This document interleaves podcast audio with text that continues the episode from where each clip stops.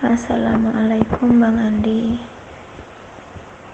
Begini saya itu mau bercerita Setelah melakukan DN Di kehidupan saya itu Lebih kayak sering sensitif ke hal-hal yang semisal uh, seperti kayak melihat anak nggak punya bapak atau ibu. Melihat orang tua. Mungkin lagi bekerja di pinggir jalan atau apa pun. Intinya nggak kuat melihat hal-hal seperti itu.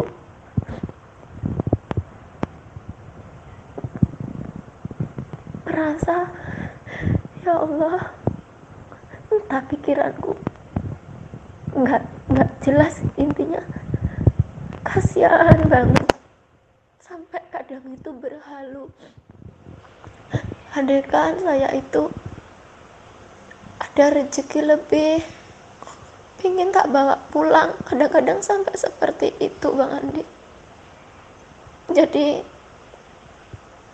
meskipun tidak bisa melakukan hal seperti itu ketika saya punya uang tinggal 10 seandainya di dompet seperti itu.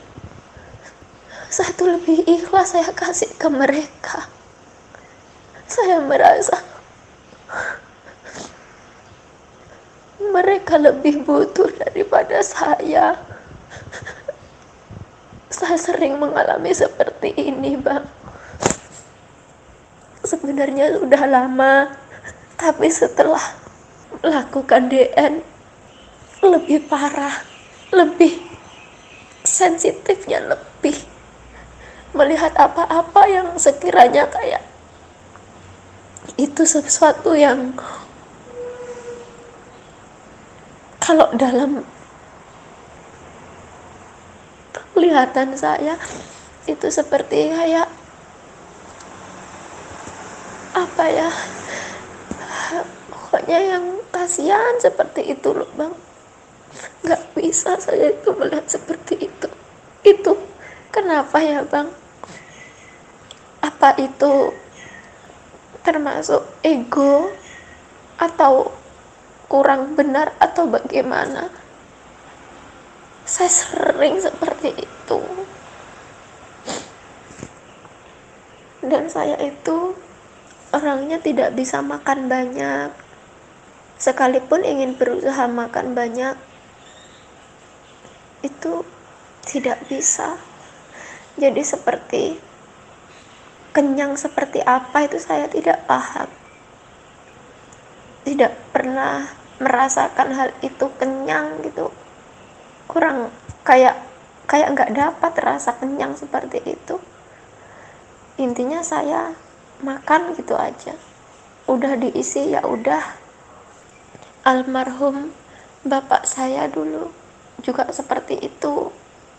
Mungkin apa? Karena karena ada faktor pemicu dari almarhum bapak ya bang.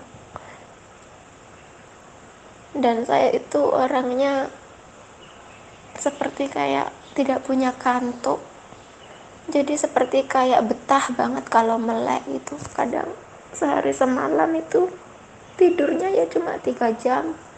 Empat jam itu udah paling banyak. Dan itu pun enggak satu waktu empat jam itu enggak berlangsung lurus gitu. Kalau tidur lebih dari lima jam saya itu merasa kepala saya itu sakit seperti itu Pak.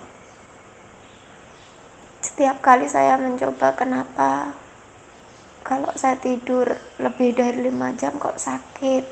Saya saya kira itu ada hubungannya dengan kesehatan mungkin. Jadi seperti saya cek ini cek itu begitu untuk cari tahu. Tapi nggak ada apa-apa cuman ya saya buktikan beberapa kali akhir-akhir ini sudah seperti itu beberapa bulan terakhir. Dan juga bang kalau kadang ada rasa kayak males sholat gitu kadang-kadang itu ada kan kayak seperti uh, kayak tiba-tiba duh kayak kayak kayak kayak capek menguasai seperti itu. Kadang-kadang ya udahlah nggak usah sholat dulu lah. Uh, sampai pada akhirnya hampir mendekati jam 12 itu seperti kayak ditarik seperti kayak ada ada rasa kayak ada rasa takut. Kamu kenapa nggak sholat? Uh, kamu pegang HP aja kamu bisa berlama-lama. Masa iya kamu sholat ibarat itu cuma 15 menit ya sholatnya aja itu kamu nggak mampu gitu. Hari ini nggak akan kembali lagi. Kalau hari ini kamu nggak sholat kamu besok besok juga sudah nggak punya kesempatan hari ini kembali. Seperti itu. Jadi kayak ada rasa kayak ada yang narik. Jadi ada rasa uh, takut kehilangan kesempatan hari itu gitu bang. Jadi kayak ketakutan gitu loh. Takut. Kalau nggak sholat itu seperti kayak ada rasa takut begitu. Apa ini uh, kaitannya dengan ego dan nafsu ya bang ya? Semua ini. Cuman saya itu kadang tuh membaca apa ya maksud Tuhan itu kenapa ya saya harus begini? Kadang-kadang saya itu seperti diem. Itu seperti kayak melihat mencoba membaca mencoba memahami apa sih pesan-pesannya seperti itu loh bang. Tolong bang eh, pengarahannya mungkin uh, biar saya bisa lebih memahami atau lebih mengerti. Begitu. Oh ya nama saya Mimin bang terima kasih sebelum dan sesudahnya assalamualaikum warahmatullahi wabarakatuh Waalaikumsalam warahmatullahi wabarakatuh. Terima kasih banyak Bu Mimin sudah berbagi cerita. Jadi ini pengalaman Bu Mimin ini mungkin banyak juga dialami oleh teman-teman yang lain yang sudah mulai mengamalkan zikir nafas. Di awal-awal itu memang kita akan lebih sensitif ya. Itu namanya kepekaan rasa kita hidup. Kepekaan rasa, kesadaran jiwa kita hidup aktif dia. Nah di sini juga kalau nggak ada bimbingan berbahaya Bahayanya bagaimana bang? Ya kita hanyut kepada rasa. Di situ bisa jadi halu ya. Bisa ngomong sendiri, bisa kita berbicara dengan diri sendiri ya. Sedikit-sedikit nangis, nggak ada angin, nggak ada hujan, nangis ya. Orang nggak tahu apa yang kita rasa. Padahal di situ kepekaan kita hidup mendengar orang susah nangis ya melihat orang susah nangis Ya, saya juga jadi teringat juga dulu tuh masa-masa gila saya dulu. Di saat saya lagi mabuk-mabuknya ketuhanan, di situ sensitif saya peka ya. Wilayah rasa ini peka sekali. Pernah suatu masa datang ini utusan dari panti asuhan. Minta sumbangan ke rumah saya ya kan? Dia bawa itu surat surat panti asuhan itu. Kami dari panti ini minta bantuan sekedarnya ya. Minta bantuan seikhlasnya saya kasih sepuluh ribu. Ya. Saya kasih sepuluh ribu. Seikhlasnya kan? Sepuluh ribu ya saya kasih. Di situ apa yang terbaca? Dia belum masuk ke halaman rumah saya. Dulu masih ngontrak saya rumah itu. Masih di pintu pagar itu saya udah di hati sudah berbicara itu Allah yang suruh datang itu. Karena Allah yang suruh datang berarti perintahnya kau disuruh memberikan. Allah yang suruh minta sama dirimu. Ya ya udah kalau Allah yang suruh aku nggak bisa nolak ini. Makanya Saya ambil uang, saya kasih. Rupanya nggak sampai setengah jam datang lagi yang lain. Marah istri saya. Jangan kamu kasih itu komplotan itu. Ya kalau saya nggak ada prasangka itu komplotan. Ya. Yang yang saya rasakan Allah yang suruh sudah. Akhirnya saya kasih 20 ribu. Pertama 10 ribu, yang kedua 20 ribu. Datang lagi yang ketiga. Ya, dalam satu jam itu ada tiga kali datang, tapi lain-lain orangnya. Wah istri saya sudah marah-marah yang ketiga kali dilarangnya saya memberikan. Ya kan? Tapi di situ ada rasa takut, ada rasa kecewa, ada rasa sedih. Ya Allah, aku tak nggak memberikan ya Allah. Ya, nah, itulah tanda-tanda gila kita itu ya. Walaupun kita ditipu, tetap kita perasaan nggak baik itu Allah. Ya, kalau sekarang ya kita bisa baca, ya Allah, aku tanya padamu, benarkah ini? Ada perintah untuk memberikan. Nah, kita nanya dulu sama Allah. Nanti kalau ada dorongan, ada ilhamnya turun, ada perintahnya, ah, yang si Pulan kau kasih. Si Pulan kau jangan kasih. Ah, kita tahu. Kalau dulu enggak, saya pukul rata semua Allah. Itulah tanda-tanda gila. Ya, sama juga macam Bu Mimin. Lihat orang nggak ada bapaknya, nggak ada orang tuanya sedih. Lihat orang tua nyapu jalan sedih nangis. Yaitu proses kepekaan rasa. Tapi itu biasanya nggak lama ya. Nanti semakin lama kita semakin kepekaan rasa kita tuh bisa kita kontrol ya. Jadi jangan terlalu hanyut nggak boleh sedikit sedikit nangis sedikit sedikit nangis ya error nanti. Macam saya dulu kalau nonton TV ada film yang sedih-sedih ada film anak duraka sama orang tua nangis saya. Apa film kayak gitu aja kau nangis? Bang kata istri saya kan? Ya pokoknya nggak bisa kita karena apa? Sensitif. Ya kan? Tapi berjalannya waktu kita sudah mulai paham sudah mulai sadar ibaratnya udah sadar dari kegilaan kita ya kan nah, baru kita lebih kontrol lebih banyak bertanya kepada Allah kalau timbul rasa Bang, aku lihat si Fulan kasihan, Bang. Tanya sama Allah. Ya Allah, aku kasihan sama si Fulan. Apa yang harus aku lakukan? Adakah kehendakmu pada diriku, ya Allah? Tanya. Kalau memang ada kehendak Allah, ada kehendak Allah, bantu dia. Berikan sesuatu kepada dia, tolong dia misalkan. Tapi di saat itu kita lagi nggak ada uang nih. Kita pun lagi susah. Ya, ya Allah, aku paham perintahmu ya Allah. Tapi aku nggak mampu ya Allah. Engkau suruh membantu dia, aku aja nggak mampu. Berikan aku kuasamu ya Allah. Berikan aku kekuatan ya Allah. Kalau engkau percaya pada aku, engkau memberikan sedikit kuasamu, aku tolong dia. Minta sama Allah. Jadi kita nggak susah ya. Kalau kita ingin nolong seseorang tapi kita nggak mampu, di situ kita susah hati, itu ego, itu nafsu.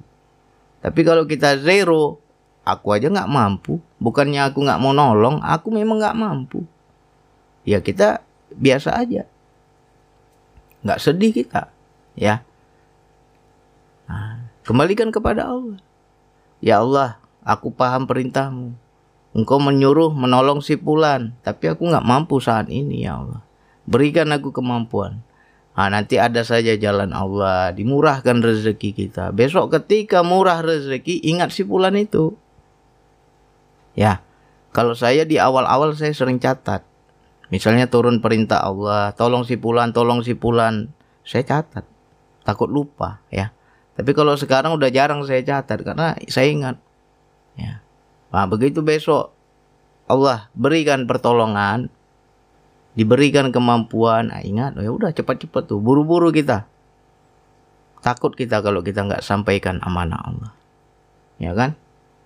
Nah ini semua orang bukan hanya pengamal zikir nafas, orang yang belajar ketuhanan, yang menyambung hati kepada Allah, yang belajar hakikat makrifat pasti akan mengalami wilayah sensasi ini, yaitu wilayah kepekaan rasa, ya. Peka kita sama orang. Kadang orang nggak ngomong sama kita, kita tahu dia butuh. Orang nggak ngomong, nggak menampakkan kesusahannya, kita tahu dia susah tembus itu. Jadi sensitif kita. Tapi nggak boleh kita terlalu hanyut. Ya, jangan sampai kita mendapatkan rasa itu kita yang susah. Ya kan? Hendak tolong dia, hendak tolong, hendak tolong. Tapi kita aja nggak mampu. Akhirnya kita yang susah. Nah, itu nafsu. Walaupun kita hendak menolong itu adalah suatu kebaikan, tapi kalau kita nggak mampu kita menjadi susah hati itu nafsu nggak boleh. Ya, itu satu yang tentang sensitif. Yang selanjutnya bang saya kok makan nggak bisa kenyang. Saya tidur nggak bisa lama, lima jam lebih saya tidur sakit kepala sama bu. Saya paling paling saya kuat tidur tuh 4 jam Ya, udah puas sekali itu. Kalau saya kelewatan tidurnya itu, pusing kepala saya. Sama. Awal-awalnya juga saya bingung kenapa apakah ini suatu penyakit kok sejak saya banyak berzikir kok susah tidur. Ya. Nanya sama Allah. Ya Allah, apa maknanya? Kenapa nggak bisa seperti dulu ya Allah? Ya. Rupanya ya di situ dikasih tahu sama Allah itu pertanda jiwanya sudah kenyang. Jadi jiwa yang sudah kenyang, kan zikr zikrullah itu adalah makanan jiwa. Ya, makanan spirit. Makanan batin, makanan rohani kita. Orang yang banyak berzikir kepada Allah jiwanya kenyang. Nah, ketika jiwanya kenyang, dua itulah yang yang nampak. Apa contohnya? Dia hanya sedikit makan. Nggak bisa dia makan berlebih sampai kenyang sampai pecah perut rasanya nggak nggak bisa. Makan itu hanya sekedarnya. Kalau nggak betul-betul lapar dia nggak akan cari makanan. Ya kan? Kalau dulu kita lihat makanan enak-enak wah selera kali kita makan tuh. Kalau sekarang seenak apa pun makanan di atas meja ya paling kita sekedarnya saja nggak pernah kita sekarang merasakan nikmat makan yang seperti dulu ya. Kalau dulu istri masaknya misalnya kurang mewah ya. Kita makan tuh ya nggak semangat. Tapi besoknya dimasak yang mewah. Atau ada acara masakannya enak-enak ya kan? Kita semangat makannya. Tapi kalau saya sekarang saat ini misalnya ada kondangan ada makan mewah gitu makan enak biasa aja itu nggak ada rasa. Ya.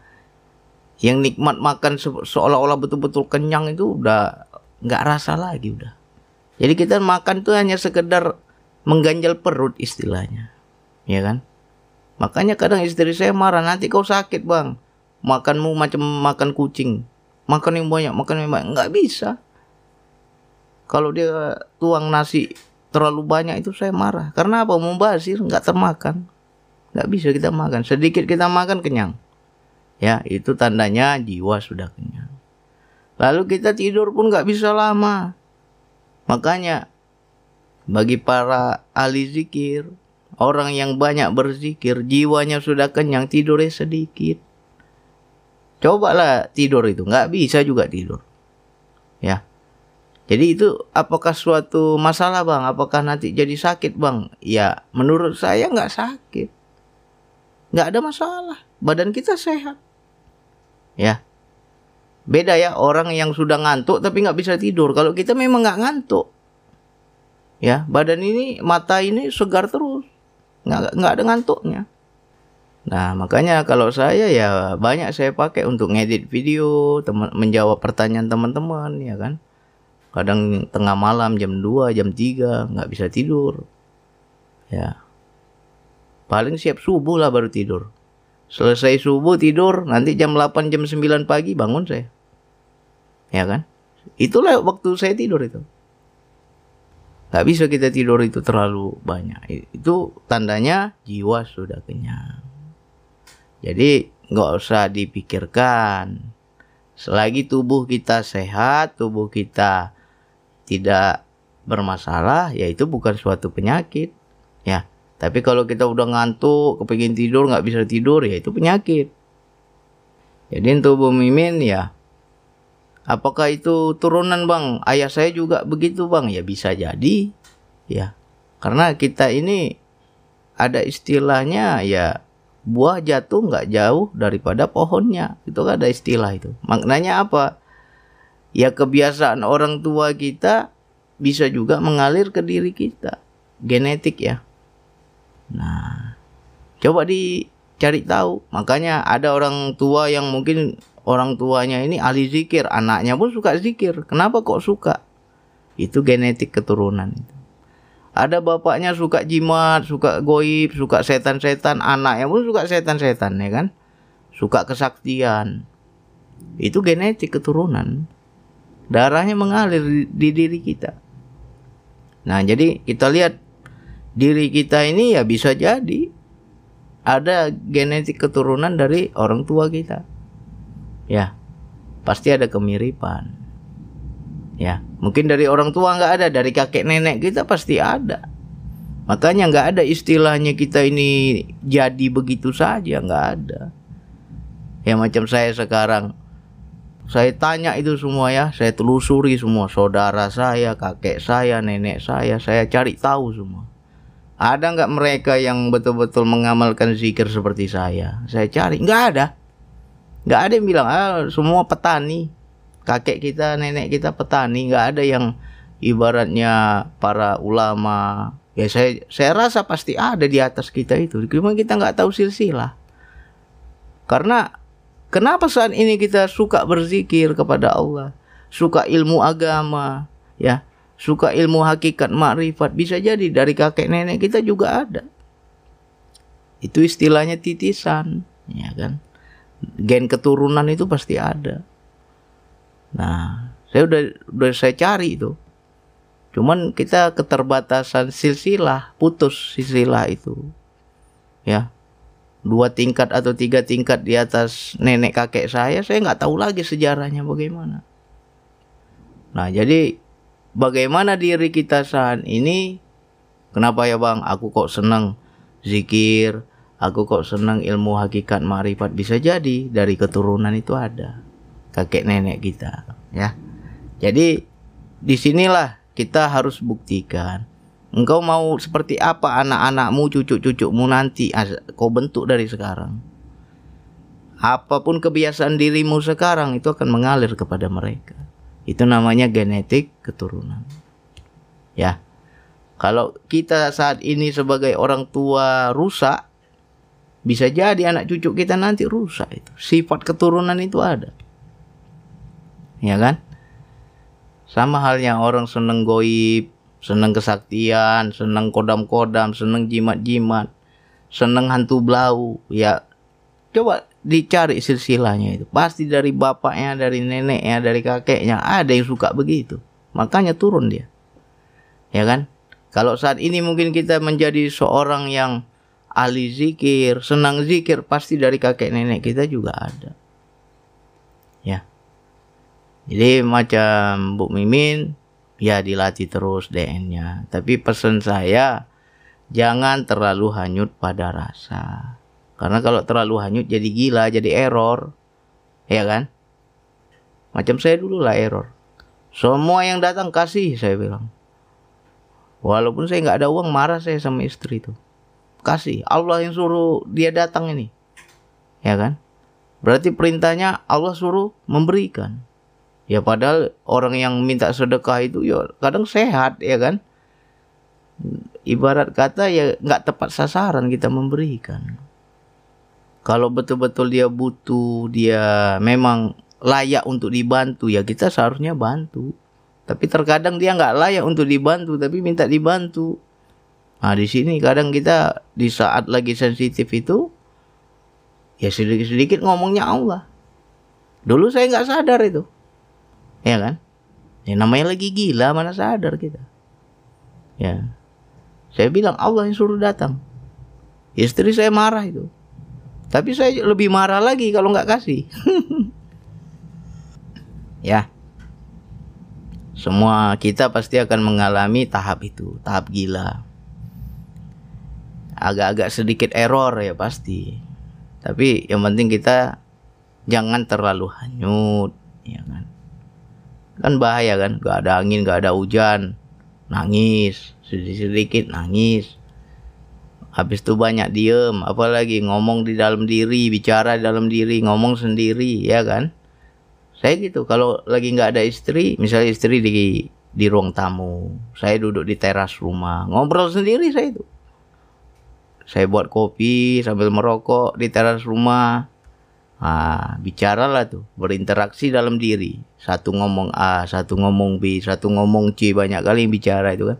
Ngobrol kita, kayak banyak teman kita. Padahal saya sendiri tuh. Ya. Nanti istri datang, kamu ngobrol sama siapa bang? Saya lagi ngobrol di dalam diri saya, ya kan? Wah istri udah ketakutan itu. Oh gila kau ini. Harus rukiah kau besok ini katanya. ya kan makanya istri saya marah-marah dulu dianggapnya saya mengikuti aliran sesat itu zikir napas itu sesat itu karena banyak saya lihat kau jadi gila sejak zikir napas katanya ya kan? Sebenarnya bukan ajarannya yang sesat. Yang sesat itu kalau nggak terbimbing itu yang sesat. Ya kan? Makanya banyak kita dengar belajar hakikat marifat itu harus ada guru. Eh seperti ini yang bahaya.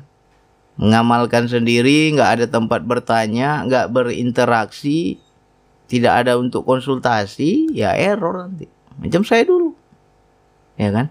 Ngomong sendiri, oh senyum-senyum sendiri. Istri bingung, kau senyum kenapa bang? Nggak ada. Saya ngobrol dalam diri saya, saya bilang, ya kan? Ya itu. Kadang ada kita dibisikin oleh hawa nafsu kita sendiri dan itu kita mendengar dengan sangat jelas. Pernah saya berteriak, nggak mau, aku bilang nggak mau, kau bujuk terus, nggak mau aku kata. Berteriak saya begitu. Istri saya dengar, siapa yang bujuk kata ya kan. Habis itu saya bilang lah, nafsu saya yang mendorong, yang mengajak, dibujuk eh saya begini begitu. Saya bilang nggak mau. Wah gila kau ini, bahaya kau ini. Jangan lagi kau amalkan itu zikir nafas bahaya ini. Sejak kau amalkan makin aneh-aneh saya lihat katanya. Ya, di awal-awal seperti itu. Ya. Kepekaan rasa kita hidup. Banyak berinteraksi di dalam diri. Ego bicara kita dengar. Nafsu bicara kita dengar. Allah bicara kita dengar. Ya. Gak ada huruf, gak ada suara. Tapi paham kita kalimat ini. Paham kita kata-katanya ya kan? Jiwa kita sendiri bicara, kita dengar, ya. Banyaklah kita hendak berbuat sesuatu yang salah. Jiwa itu ngomong nggak mau aku ya, itu salah, aku nggak mau. Jangan kau ikuti itu, itu salah itu. Banyak kali suara, nafsu lagi ngomong, ah, mainkan aja, nggak ada yang tahu.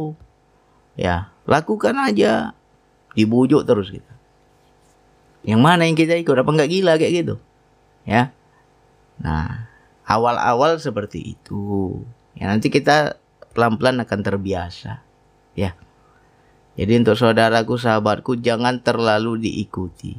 Kalau muncul rasa peka kita, sensitif kita pada diri ini ya. Banyak suara-suara di dalam diri. Ya, simak aja. Saksikan aja tapi harus pandai kita merahasiakan Jangan sampai kita hanyut pada rasa. Kalau orang hanyut pada rasa, di situlah yang timbul yang namanya gila. Ya kan? Macam saya itu teriak sendiri, nggak mau aku. Apa nggak gila? Nggak ada angin, nggak ada hujan, nggak ada orang. Kita ngomong sendiri. Istri saya dengar, kok ngomong sama siapa? Yang bujuk kamu siapa? Marah-marah istri saya. Nggak usah lagi kau amalkan itu zikir nafas. Makin lama makin gila saya lihat kau ini katanya. Ya kan? Habis itu senyum saya. Udah digila-gilain sama istri saya senyum bukan saya marah. Senyum. Ya kan? Di dalam diri ngomong lagi ketawain aja di dia nggak tahu tuh yang sedang kau jalani dia nggak tahu itu hakikat marifat kau ketawain aja di saya senyum apa nggak istri tambah gondok tambah marah ya kan dimarahin senyum Nah, nanti pelan-pelan kita bisa kontrol. Ya, saya yakin banyak kawan-kawan kita yang gila ini. Bukan belajar zikir napas saja. Ngaji makrifat pasti gila. Nggak ada yang dibilang nggak gila. Ya. Nah, cuman harus pandai kita arahkan. Harus pandai kita menguasai, harus pandai kita kontrol. Ya. Kalau teman-teman belajar hakikat makrifat belum ada mencapai yang namanya gila, ya, belum bisa membaca suara-suara di dalam diri ya belum kenal. Kalau kita udah kenal gila pasti. Nah cuman jangan terlalu hanyut. Nggak boleh harus kita rahasiakan. Tetap di mata orang kita normal ya. Padahal di dalam diri kita banyak berantemnya ya kan. Terkadang kita bertemu orang selisih paham, bertengkar. Sebelum kita bertengkar sama orang itu dalam diri dulu kita bertengkar. Ya. Kita lawan dulu hawa nafsu kita. Menang kita dari hawa nafsu ya udah kita senyum, nggak kita lanjutin. Itulah sejatinya orang yang kuat. Ya. Orang yang kuat, orang yang hebat bukan dia bisa mengalahkan lawannya yang di luar diri, justru dia bisa mengalahkan yang di dalam diri. Makanya kalau kita udah hafal ini ya banyak senyum kita ketawa nanti disenggol orang senyum dia pancing emosi kita sama orang ya kita banyak senyum senyum senyum aja ya kan banyak sabar nah jadi untuk saudaraku sahabatku cobalah diulang-ulang lagi lah YouTube saya video-video yang sudah saya upload itu udah banyak sekali tuh tentang gila ketuhanan tentang mabuk ketuhanan, gila ketuhanan, ya. Coba itu ditonton, dicari itu. Judulnya gila ketuhanan atau mabuk ketuhanan. Banyak itu mungkin kalian mengalami tapi kalian nggak paham. Ya. Jadi mudah-mudahan ini bisa menjadi renungan. Bu Mimin juga makin paham nggak boleh terlalu hanyut ya. Jangan error lah. Kita harus normal. Ya. Nanti ngelihat orang susah nangis, lihat ini nangis, lihat itu nangis, apa nggak gila itu? Ya harus dikontrol itu. Jangan terlalu hanyut pada rasa. Oke, hanya itu yang bisa saya sampaikan. Wassalamualaikum warahmatullahi wabarakatuh.